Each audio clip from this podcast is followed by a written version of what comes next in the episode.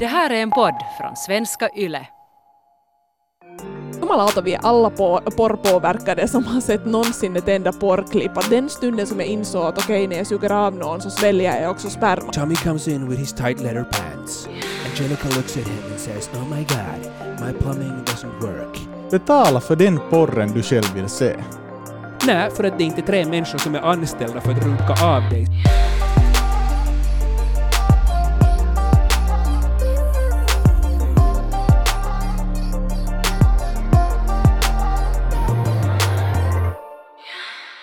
När jag var liten, och nu pratar jag så här liksom lågstadieliten och kanske början på högstadieliten, så, så då fanns det ett speciellt ställe jag kunde fara till. Det var eh, lågstadiets gympasal. Under den, i det här fundamentet till den, eh, så fanns det sådana ventilationsluckor, kanske 30-40 cent eh, breda och höga.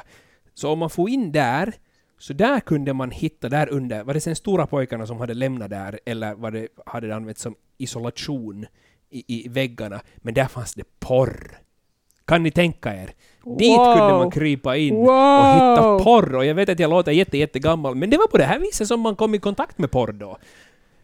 Och, och, och det var ju en... eh, Alltså det var ju en eftermiddag som gick åt till att, till att komma åt porr. Nu är det ju eventuellt lite lättare och jag vet att många säger nu okej boomer. Men då var det lite så här att man fick ta det som, som fanns. De tidningarna som råkade finnas där, det var det man fick tända på. Mm, jag tänker nog också att min första upplevelse av porr så var i lågstadieåldern och i tidningsform. Min klasskompis eh, föräldrars porrtidningar hittade vi och har tittat och liksom funderat sådär att hur kan man slicka fitta? Liksom den, den tanken sådär och att, att vi så här testar sådär att om man slickar sen på, liksom, på, vad heter det, på skinkan, att hur skulle, hur skulle det kännas? Att det är liksom min första sådär uh, porr-experience.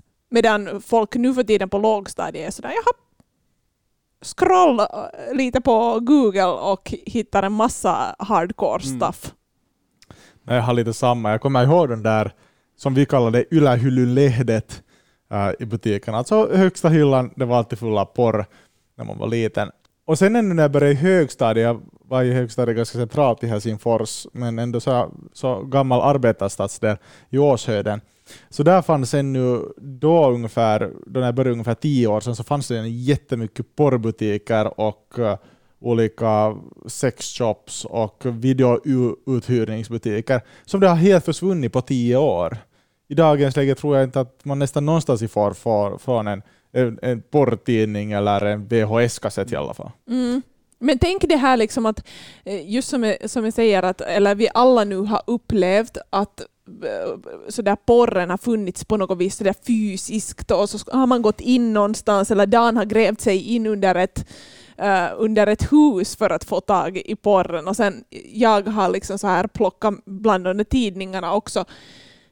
Eh, Liksom bara vad som ehm, liksom ett hurdant annorlunda utgångsläge det är nowadays. Att om, om man tänker att vi funderar sådär att, att hur kan man göra sådär och så provar vi slicka varandra lite på skinkorna. Ja. liksom. Bara det att när det plashar, man är ute på, på rasten och någon plockar fram telefonen och liksom ser på hardcore porr. Liksom, va?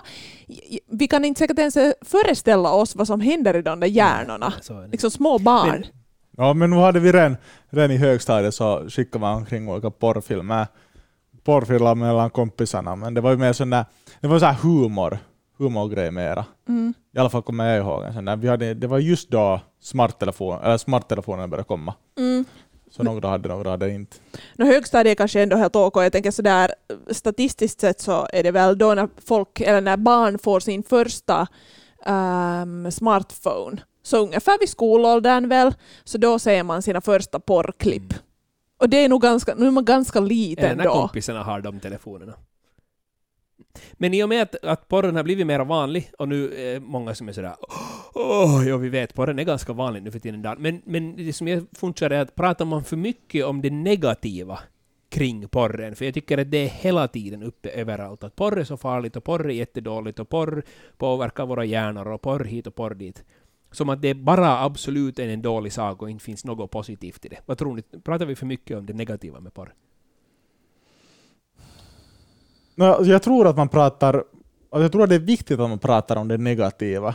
Jag tror, och, men, men samtidigt så känns det, där, det känns ganska absurt för att alltid när man pratar, man ser dokumentärer, man ser läser, läser skriverier om porren så är det alltid dåligt. Uh, men sen så alla tittar på porren, eller alla, men, den största majoriteten tittar på porr. Den största majoriteten vana med porr. Och ändå är man så ja, det här är så dåligt, det här är så dåligt, men ändå gör man det. Så jag tror att, att, att systemet som man ger feedback, eller systemet som det är uppbyggt att vi ska säga att nej, vi ska inte titta på porr, eller porren är oetisk, eller porren är på det här sättet. Det är fel. Utan porren är här för att finnas och den kommer inte att förändras.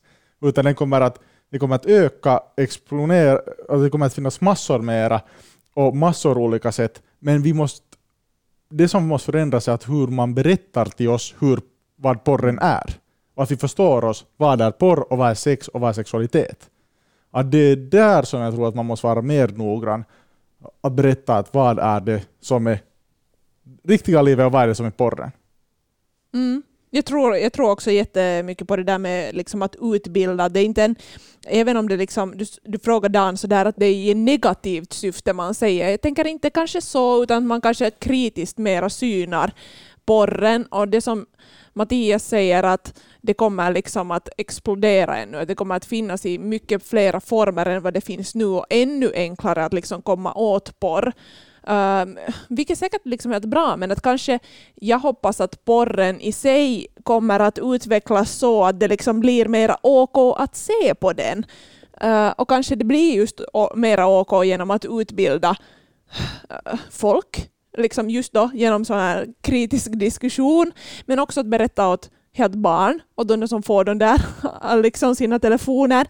Och sen kanske att uh, porrbranschen, porrindustrin då i sig liksom jag vet inte hur det, hur det skulle gå till, men jag hoppas ju att det utvecklas till något liksom bättre så att det inte hela tiden behöver vara så här brr, brr, varning liksom när vi snackar mm. om porr. Att det skulle ju vara ett helt trevligt utgångsläge, att när man ser på porr att det är, liksom, det är helt okej okay och att det som man tar in är helt fine.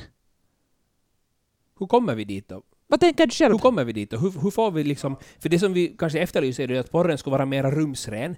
För att ju, ju, ju smutsigare vi ser att porren är, desto mera skäms man kanske över att man tittar på den och då vågar man inte vara med liksom och påverka hur, hur porren är. Och, och sen är det inom citationstecken då bara smutsiga firmor som håller på med porr. Då kanske man inte får den där, den där etiska, må bra, eh, kiva-porren som, som inte är jättehård och inte jätterå. Om, det, om man lämnar den liksom till, till smutsiga, så att säga smutsiga firmor eller smutsiga händer eller smutsiga ögon. Ja, och frågan är ju liksom, är det liksom, kan man prata om smutsig porr heller? Det är liksom, jag är helt tudelad i den diskussionen, för jag förstår, jag inser vad du menar Dan, att det finns ju liksom mycket olika sorters porr och det är alltid liksom i en salig blandning i alla fall på nu så här Pornhub och gratissidor där det liksom, man vet inte riktigt vad man får om man inte är superduktig på att söka. Men sen samtidigt så blir det sådär att kan man säga att någon porr är liksom på ett sätt dålig. Visst kan man säga det. Kanske. Jag vet inte. Ja, oetisk porr, men hur ska du veta liksom vad som är etiskt och vad som inte är etiskt? Det, det, det, har jag svårt att svara på, att vad som är etiskt eller inte etiskt, men, men jag tänker nu bara sådär att säga att, att vi kommer att få bort den som vi tycker att är dålig. Vi, det kommer inte att lyckas. Det kommer inte att, jag funderade här tidigare idag på dagen och, och, och man tänker på att vem är det som skulle kunna göra de besluten? Då skulle det vara stora nationer, det skulle vara Europeiska unionen, Amerika som skulle samarbeta, men det skulle ändå betyda att vissa de porrindustrier skulle bara flytta mm. plats. Mm. Och då skulle ändå kunna producera den porren som de gör. Uh, sen som man tänker på de här största porrsidorna, hur gör de deras pengar? Och det är en, en, en massiv, alltså det är en promille som betalar till de här, alltså om man säger, vi säger de, en av de största, Fake Taxi eller, eller Brazzers, de har hundra miljontals visningar i månaden. Men därifrån är det bara kanske 0,3 procent som betalar för deras produkt. Men vad är 0,3 procent av 300 miljoner? Mm. Det är massiva pengar som rör sig där. Så det kommer aldrig att försvinnas. försvinna. Men det kommer att komma ny porr och nya saker som människor blir upphetsade av och nya saker som kommer att vara häftiga. Men den porren som vi har idag tror jag, den kommer att leva kvar på något sätt och det kommer att komma nya saker. Mm. Och sen just när du säger det här att den kommer att leva kvar och, och till din liksom fråga Dan, att, att på något vis prata om, om bra och dålig porr, så vem är vi liksom att säga att, att vad som är bra och dåligt? Att det blir liksom, mitt i allt så blir det att börja handla kanske om någon sorts liksom kink och fetisch-shaming kanske, eller, eller liksom ja, vad folk går igång på, att om man, om man börjar kategorisera porr i kategorier som bra och dåligt, eller liksom vad som är OK att släppa eller inte. Så kanske, fast jag sa att jag skulle önska att det skulle på något sätt bli, eh, att innehållet skulle bli bättre kanske och mera liksom OK och inte vet jag, inte, inte kanske det kan bli utbildande eller sånt, men på något vis mera OK, så kanske det är inte möjligt, kanske det är just så som du Mattias säger, att det kommer bara att utvecklas åt, åt något håll, men att det kommer bara att explodera massivt. Alltså det som jag direkt tänker då när man, om man skulle vilja förändra på porrbran- porrbranschen, det lättaste är att göra betala för den porren du själv vill se. Om du vill Mm. se mera uh, etisk porr, feministisk porr, mera hardcore porr, vilken porrbransch som helst, då betalar du för den. Mm. Och då stöder du deras verksamhet, att utvidga deras verksamhet och att mer människor kommer att se den. Mm. Det kan jag tänka mig att det är det lättaste sättet att då sådär gräsrotsnivå påverka på porren. Så är det. Och understöd de här stora, stora firmorna kanske som ändå har ganska eller det känns jättedumt, var, var, varför ska man säga det? understöd de stora firmorna? Men sådana som ändå har en, en lagstiftning som de följer. För sen sådana små obskyra firmor så kanske inte alltid följer den lagstiftningen, för de pumpar, för vem som helst kan lägga ut saker på nätet. Så är det ju. Och sen är det Mm. de, som, de som är stora, de som betalar skatt på, på verksamheten och så vidare, så de har vissa regler som de mest, måste följa och så vidare. Det finns en i San Francisco en sån här jättestor porrstudio som också säljer, alltså som ett museum i princip. Man kan betala och gå dit och titta på, på deras studier. Och jag var där och tittade, det är ett sånt här stort, det, det heter Armory, alltså ett gammalt stort, alltså ett fort ser det nästan ut som. Och de har, det, händer, det finns olika delar av det huset och en del av det är alltså den här porrstudion. Flera våningar där de har att okej, här är liksom brottning, och det finns ju sån här viss kink som handlar om, om, om brottning, och här, och här är liksom vårt piskrum, Mm. och här är vår vässa, och här är vår bar, och de hade liksom olika, alltså sådana kulisser för olika former av porr. Och om man har sett de där for, formerna så känner man igen sig och sådär ”Hej men just det här, men här är den här, är, den här har jag sett”. Och till och med i en av, av utrymmena eh, i den här otroligt stora byggnaden så har en, en slutscen i en av Star Wars-filmerna filmats. Alltså den är så stor, när vi pratar om liksom pengarna som rör sig inom porren, så, så Star Mm. Wars har varit där och filmat. Förstås inte porr, men det var ett stort utrymme de behövde, och, och, och där har de varit i Armory i San Francisco och filmat den. Så att, så att eh, jag tycker det här är ett jättebra tips, eh, Mattias, som du hade, att, att betala för den porren som du, som du ser på och som du tror på. Det är väl kanske främst det liksom att, att sitta och, och låtsas som att, att saker och ting blir bättre av att man bara säger åt sin cover att hej, det där är, det där är ful porr. Det kanske inte, det kanske inte funkar. Ja, och, och jag tänker liksom att, att som... Ja, jag tänker som en människa som har jobbat mycket med liksom bild och video speciellt att liksom allt, allt för bildvinklarna är ju också en grej. Att, uh, just, vi, vi snackade också i avsnittet om fittslickning så snackade vi om den snabba tungan eh, på klittan. Jo, som vissa absolut går igång på, men som andra inte alls liksom går igång på. Men att sånt som ser visuellt bra ut, så det syns i porren. Uh, jag tänker liksom då när kanske porren har fått mer så här explosivt eh, synlighet i och med nätet, så då var det jävligt mycket liksom, eh, fittor helt liksom, o, liksom rakade fittor som sen liksom har spridit sig att nu liksom att inse både Ja, så jag, jag tror att även om det här liksom så där känns som eh, uh, lågstadiediskussion, att, att, ja, att, att förstå att det här är liksom manusbaserat och gjort för kameran och eh, sagt att kameran rullar, ljudet går eh, och regissören säger varsågod, så inser man inte riktigt att liksom då när man börjar liksom rannsaka sig själv och börjar fundera att okej, okay, men jag, jag är så jävla medveten om alla de här sakerna. Jag har nog inte säkert någonsin blivit liksom porrpåverkad. Jumalauta, vi är alla på, porrpåverkade som har sett någonsin ett enda porrklipp. Att den stunden som jag insåg att okej, okay, när jag suger av någon så sväljer jag också sperman, så insåg jag att okej, okay, Här, här var liksom en helt jävligt konkret grej från porren. Och nu skulle jag nu säga också att liksom bara könsbehåring till exempel är en sån grej. Säkert något vissa sa saker, andra som man gör i sängen också, något vissa positioner och så vidare. Det behöver ju inte alltid vara liksom en dålig grej heller varje gång alls. Man kan ju få liksom bra idéer och sånt, men att bara inse att det påverkar en, både positivt och negativt. Ja, men det är ju lite sådär att sam samhället i stort, det som man ser, det som man blir utsatt för, det påverkar en. Uh, och det är ju inte jag vet inte om jag heller någonsin har rannsakat mig att sådär, har det här påverkat mig, på vilket sätt har det här påverkat mig. Men som alla saker runt omkring en påverkar en på vissa saker. Ser jag jättemycket på sex, såklart det påverkar mig. Och det gör åt mig vissa förväntningar, vissa saker som jag förväntar mig själv att göra till en, en annan, för att jag har sett det hända hela tiden på film. Jag har ju mm. aldrig, mig veterligen har jag aldrig på riktigt tittat i alla fall noggrant tittat på en få livepersoner ha sex. Men jag har sett människor ha sex på, på TV hur många gånger som helst. Ja, att här är det kanske bara det, just den här problematiken, eller liksom att inse att, uh, att okej, okay, att vi påverkas och att det kanske inte... Att, att när man påverkas så på något vis, jo visst vi påverkas av normer och, och liksom alla möjliga andra människor och, och samhälle, men att när porren är så liksom Kanske problemet är det att ingen har fan någonsin pratat om porr, åtminstone med mig, sådär jättemycket. Och att, liksom att själv måste inse att okej, okay, det här är ett skådespeleri. Ingen har heller pratat riktigt om sex. Så därför är det så svårt att, att gå in och sådär jämföra med, med actionfilmer. Att, att inte gör man något stuntar från taket heller i verkliga livet. Liksom att, att sex ser annorlunda ut än i porren. För när ingen har pratat om porr och ingen har pratat om sex så jättemycket så blir det mitt i att sådär att man tror att så här ser det ut på riktigt. Och så börjar man liksom leva enligt det och fixa så. Alltså igen, på både gott och ont. Det behöver ju inte vara en, en dödsdålig eh, sak, men igen den här kritiska analysen kanske.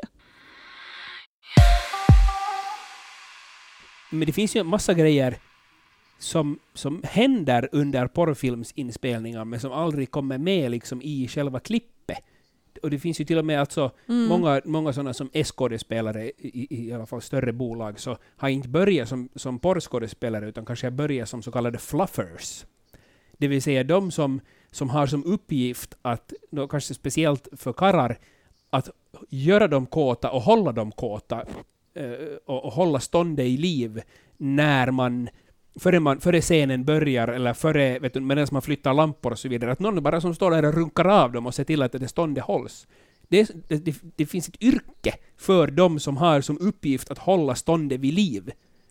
Och sen när man tittar på porrfilmen så ser mm. man bara en kuk som står i en 25 minuters scen i sträck. Man är sådär bara wow, att jag kan nog inte hålla mitt stånd så länge. Nej, för att det är inte tre människor som är anställda för att runka av dig så fort ni har en liten paus. Att det finns en massa saker i porren som, som finns där och som man inte ser. Det finns en lag i USA som de röstade igenom för en tid sedan, och den har väl kanske hoppat lite fram och tillbaka, men som, som kräver, i alla fall i Kalifornien, att porren som bandas in där, man måste ha kondom. Det finns ingenting i porren, mm. alltså det finns ingenting i lagen som säger att du måste visa när du sätter på kondomen. Vilket gör att man ser de har kanske lite oralsex, kanske inte har en kondom just då, och sen mitt i allt, så, eller sen så går de upp, mannen går upp och så lägger han sig lite på och börjar jucka kvinnan, och sen när, när, när, när kameran kommer närmare så säger man nu har han en kondom på. Mitt i allt. Och man ser mm. aldrig den där att vänta nu, nu ska jag äta upp den här, oj nej, jag har lite glidmedel på fingrarna, jag får inte upp kondompaketet, vad är det som händer? Vänta nu, kan du öppna den här? Vänta, jag ska tvätta, torka händerna lite. Och sen får man upp kondomen och så sätter man den på fel väg och säger sådär, vitsi, ska jag nu svänga på den eller ska jag ta den där nya? Alltså det händer ju så mycket grejer i porren som också händer där under inspelningen som aldrig någonsin kommer eh, alltså som jag aldrig kommer att glömma så var när jag hörde att de i vissa fall använder alltså tapetklister som som sats, för att man ska ju komma mycket, för att det är ju nice när någon kommer mycket. Men sen så om inte någon kommer mycket, för man kanske har kommit fyra gånger den veckan för att man har spelat in så många scener, så använder de tapetklister för att spruta på lite extra. Så man måste ju komma ihåg, det är ju trick, det är trickfilmat. Och det är ju eh, och, och, och, ja, alltså det har ju lite förstört till viss del porren, eller inte förstört porren, men, men men på samma sätt som när jag, jo- jag jobbade med sex och sånt när vi gjorde TV tidigare, så när jag jobbade mycket med TV och, och lärde mig TV-språk och hur man klipper TV och så vidare, så, så började jag titta på TV på ett annat sätt.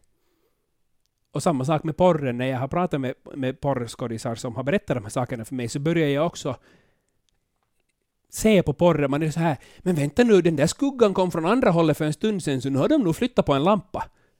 Och, och det är ju inte det man vill se när man ser på porr, att från vilket håll kommer lampan liksom. Men det har på något vis satt sig i huvudet att, att kritiskt också se den där. Eller inte vet jag kritiskt, men i alla fall att se de där skillnaderna.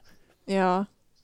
Men det handlar ju liksom lite om, om sådär arbetsskada, att en vanlig konsument, så, en vanlig porrkonsument eller en vanlig person som går och ser på film, så ska ju inte tänka på att hur månne det här är gjort. Um, men kanske när det kommer till porren så är det jävligt bra att veta hur man gör film överhuvudtaget. För att nu fattar jag också att det liksom finns en scen på tre minuter där någon med kladdiga händer försöker få upp kortsopaketet. För det är inte Nej. hett. Du vill ju runka där och du ska säga på det där, du ska bli kåt och då klipper man bort det där kortsofladdrande istället. Att det är ju liksom, jag fattar också varför det inte finns med i, i porren, men det gör ju att Ja, som vi var inne på tidigare, det gör ju att det liksom fuckar upp hela liksom bilden av äh, vad sex är. Kanske, ja, kanske fan problemet är egentligen inte porren, utan bara det hur vi pratar, eller hur vi inte för fan pratar om sex Mm. tror jag. Att vi skulle kunna se på porr helt på samma sätt som vi ser på en film och inse att okej, okay, men det här är nu så här och, och så kan man fila det och filställa det helt i lugn och ro om man vet vad på riktigt liksom vad som gäller i det verkliga livet. Alltså jag tror att majoriteten klarar en av det. Alltså jag tror att det är väldigt vanligt. Jag läste någon gång en undersökning som man publicerade tror jag 2019, alltså för, för ett år sedan, där, man, där det var, handlade om föräldrar och hur mycket de trodde att porren påverkar deras barn. Och då hade man intervjuat massor med barn då, som hade sagt att men nu förstår vi ju det där, att det, det där inte är den där sanningen. Utan att man är ofta, jag tror att människor är lite benägna för att se att det finns bara dåliga saker och det påverkar jättemycket. Men sen en själv så där som vi alla tre här kan sitta att "Nå ja, nu hade det säkert påverkat, men inte hade det gjort oss till psykopater. Vårt Ja. sexliv är ändå helt hälsosamt och, och vi behandlar ändå våra medmänniskor nära och vi, vi går inte kring med strypkoppel i, i det här högsta hugg bara för att vi ser en, en, en människa på en badstrand. Det är ju ändå, det, vi blir ju inte såna bara för att vi har tittat på porren och det tror jag de flesta också, ja, det kan de flesta också skriva under.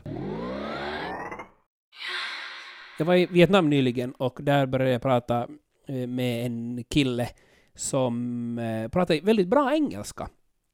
Och, och det var ganska sällsynt att de pratade så bra engelska i Vietnam, för att det är inte någonting som de studerar väldigt aktivt alltid. Eh, och så, så pratade jag ganska länge med honom och frågade sa jag att hej, du pratar jättebra engelska, att, att, vad beror det på att du gör det? Så han sa, äh, "Nej, men det är tack vare porr. Eh, och, och speciellt, speciellt, eh, det finns en gayporr som heter Check Hunter där det, det går i, alltså varje scen börjar på samma sätt. Det är en man med en kamera i handen som går ute på stan, oftast i Prag, i Tjeckien, och, och så råkar han stöta på en, en kille eller två killar där som han sen börjar prata med och som han lite betalar några hundra check crown eh, för att de ska visa kuken och sen så tar han hem dem och sen har han sex med dem. Eh, och allt det här, de pratar ju förstås tjeckiska men det är översatt till engelska med text. Och det här hade han tittat på jättemycket och lärt sig liksom engelska. Eh, och suttit hemma med, alltså med Google Translate och översatt textrader från textad porrfilm till eh, sitt eget språk för att han skulle lära sig och, och inse vad det handlar om. Och han, tyvärr så måste jag liksom, det var lite som att berätta att vet du, jultomten finns inte. När jag sen äh, berättade för honom att, för när han var så att jo, han, hans högsta dröm är att få åka till Tjeckien för att han skulle så vilja gå där i Prag och se, vet du, att ser han när de här kameramänniskorna är ute och letar efter folk och jag sådär, vet du, snälla vän, att sorry nu att jag är den som måste säga det här åt dig, men alltså jag får riktigt tårar i ögonen, för det var så, han var så fin på något vis. Men, men när jag var sådär, att sorry, men vet du, det är inte sant att de har nog vet du, blivit kontaktade på förhand, de här människorna, och de är nog helt med på det, och de vet nog vad som kommer att hända. Och han var bara sådär, nej, du får inte säga det där åt mig, jag vill inte veta det, för han ville så gärna åka till Prag. Men han har lärt sig engelska via porren, så att man, man ska inte säga att ja, man lär sig aldrig någonting via porren, för man kan lära sig ett nytt språk. Men det där är ju, det, alltså det där är en jävla bra story, men jag diggar också det där hur, alltså det finns ju till heteroporr, det finns ju hundratals samma exempel, också de här tjeckiska mm. exemplen. Tjeckien har jätte, jätte det här liberal porr, porr, porrlagstiftning, det är därför den mesta europeiska porren görs i Tjeckien. Uh, men just sådär att, att man, den där meningen med den videon är ju helt att man ska tro att ja, men det här kan ju hända vem som helst. Och att just att man får en jätte, och de, alltså den är ju inte, de är ju inte dumma i huvudet de som gör de här filmerna. Så de vet ju helt vad är det som fångar de här människorna. Mm. Man är helt sådär, ja men varför skulle man gå 100, 100 euro eller alltså det är ju helt absurt. Men att man blir ändå sådär också, som konsument så blir man ju helt sådär, mm, och Tjeckien ska man ju resa till.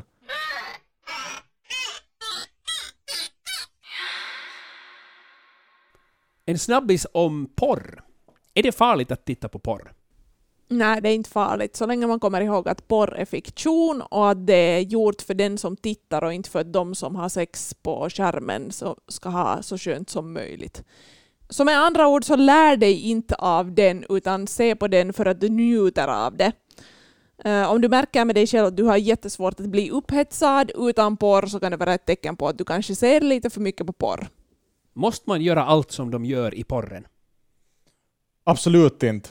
På samma sätt som man inte måste hoppa från ett hustak eller göra något annat som syns i en actionfilm, så behöver man inte heller suga kuk eller ta i reven för att du eller din partner har sett dig i en porrfilm. Hur tittar jag på porr utan att andra som använder min dator kan se vad jag har sett på?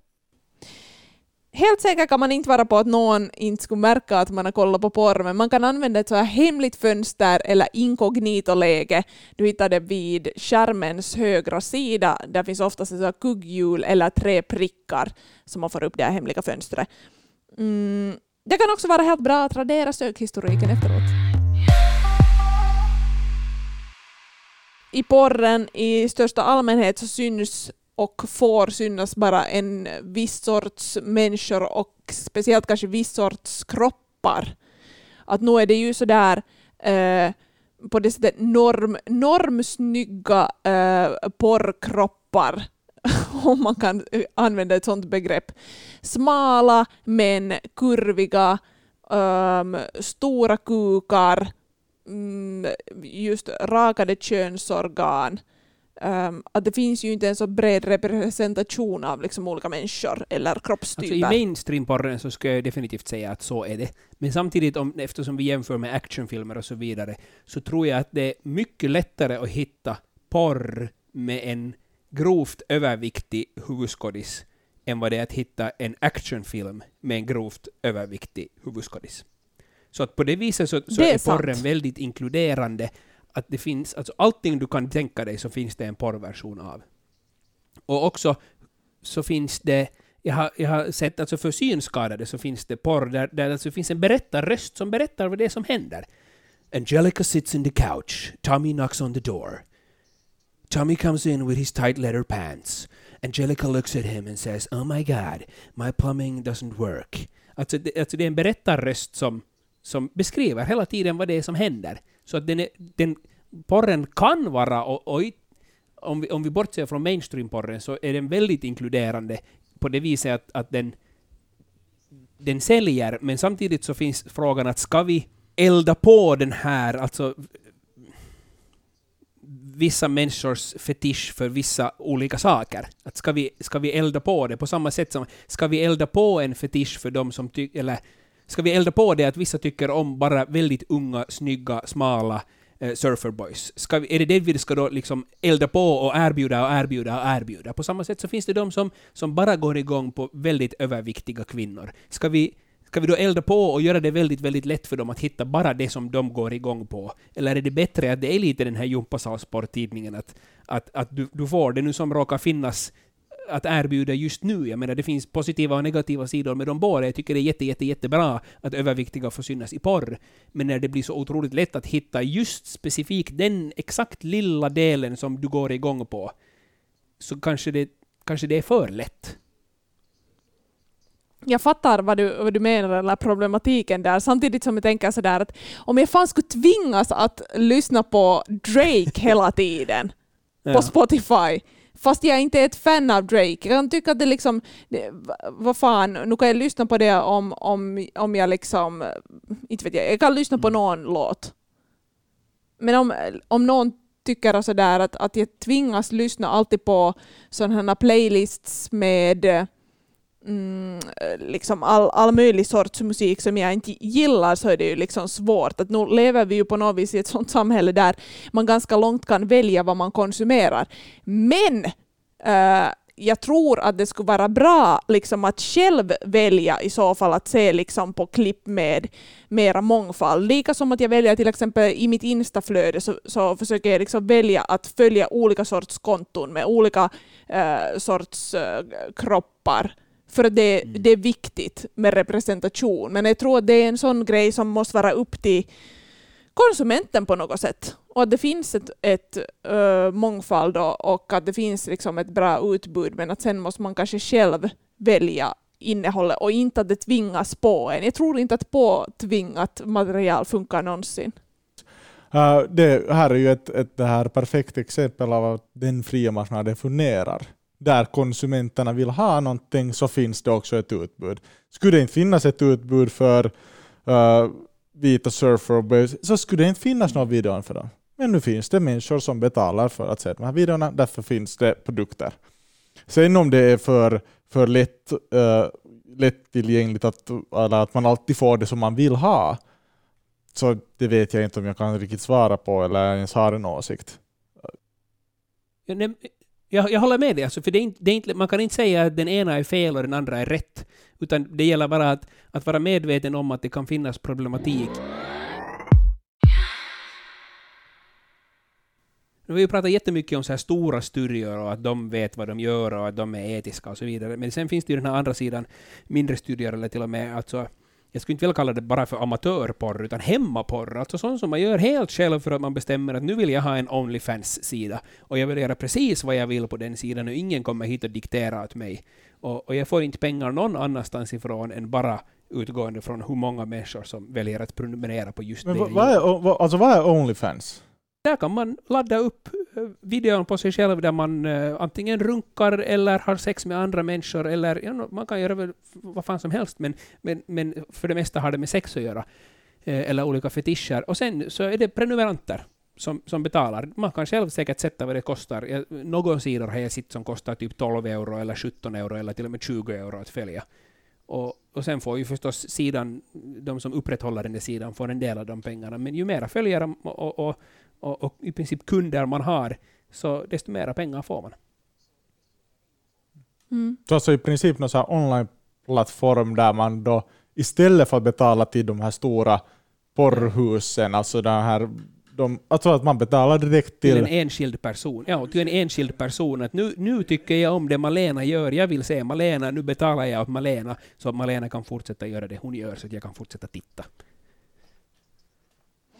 Jag, jag gillar också liksom det här som koncept. Jag tänker sådär att, att skulle man följt, följt någon liksom sådär, eh, en längre tid och tycka så här, det här är en nice person, så sen att liksom känna den där filisen av att få något helt så exklusivt av den där människan. Jag betalar lite så får jag någonting liksom. Eller nu ja, förstås eh, kan andra också betala för det, men ändå den där filisen av att okej, okay, det här är nu för mig, mera bara för, det är inte för allas ögon, utan mera för mig. Så jag gillar på något vis hela det här konceptet. Och kanske just av det där att okej, okay, men att pengarna direkt till den här människan. Förstås så finns här ju också, nu kan man ju också se kritiskt på liksom hela den här Onlyfans-grejen, att hoppas att folk gör det därför för att de tycker att det är nice och inte därför för att de är liksom panka och behöver nu liksom få fyrk. Och då finns det ju säkert en sån sida av det också. Men kanske här är nu den grejen igen att man får liksom kolla upp att vem man då följer eller vem man äh, prenumererar på Onlyfans.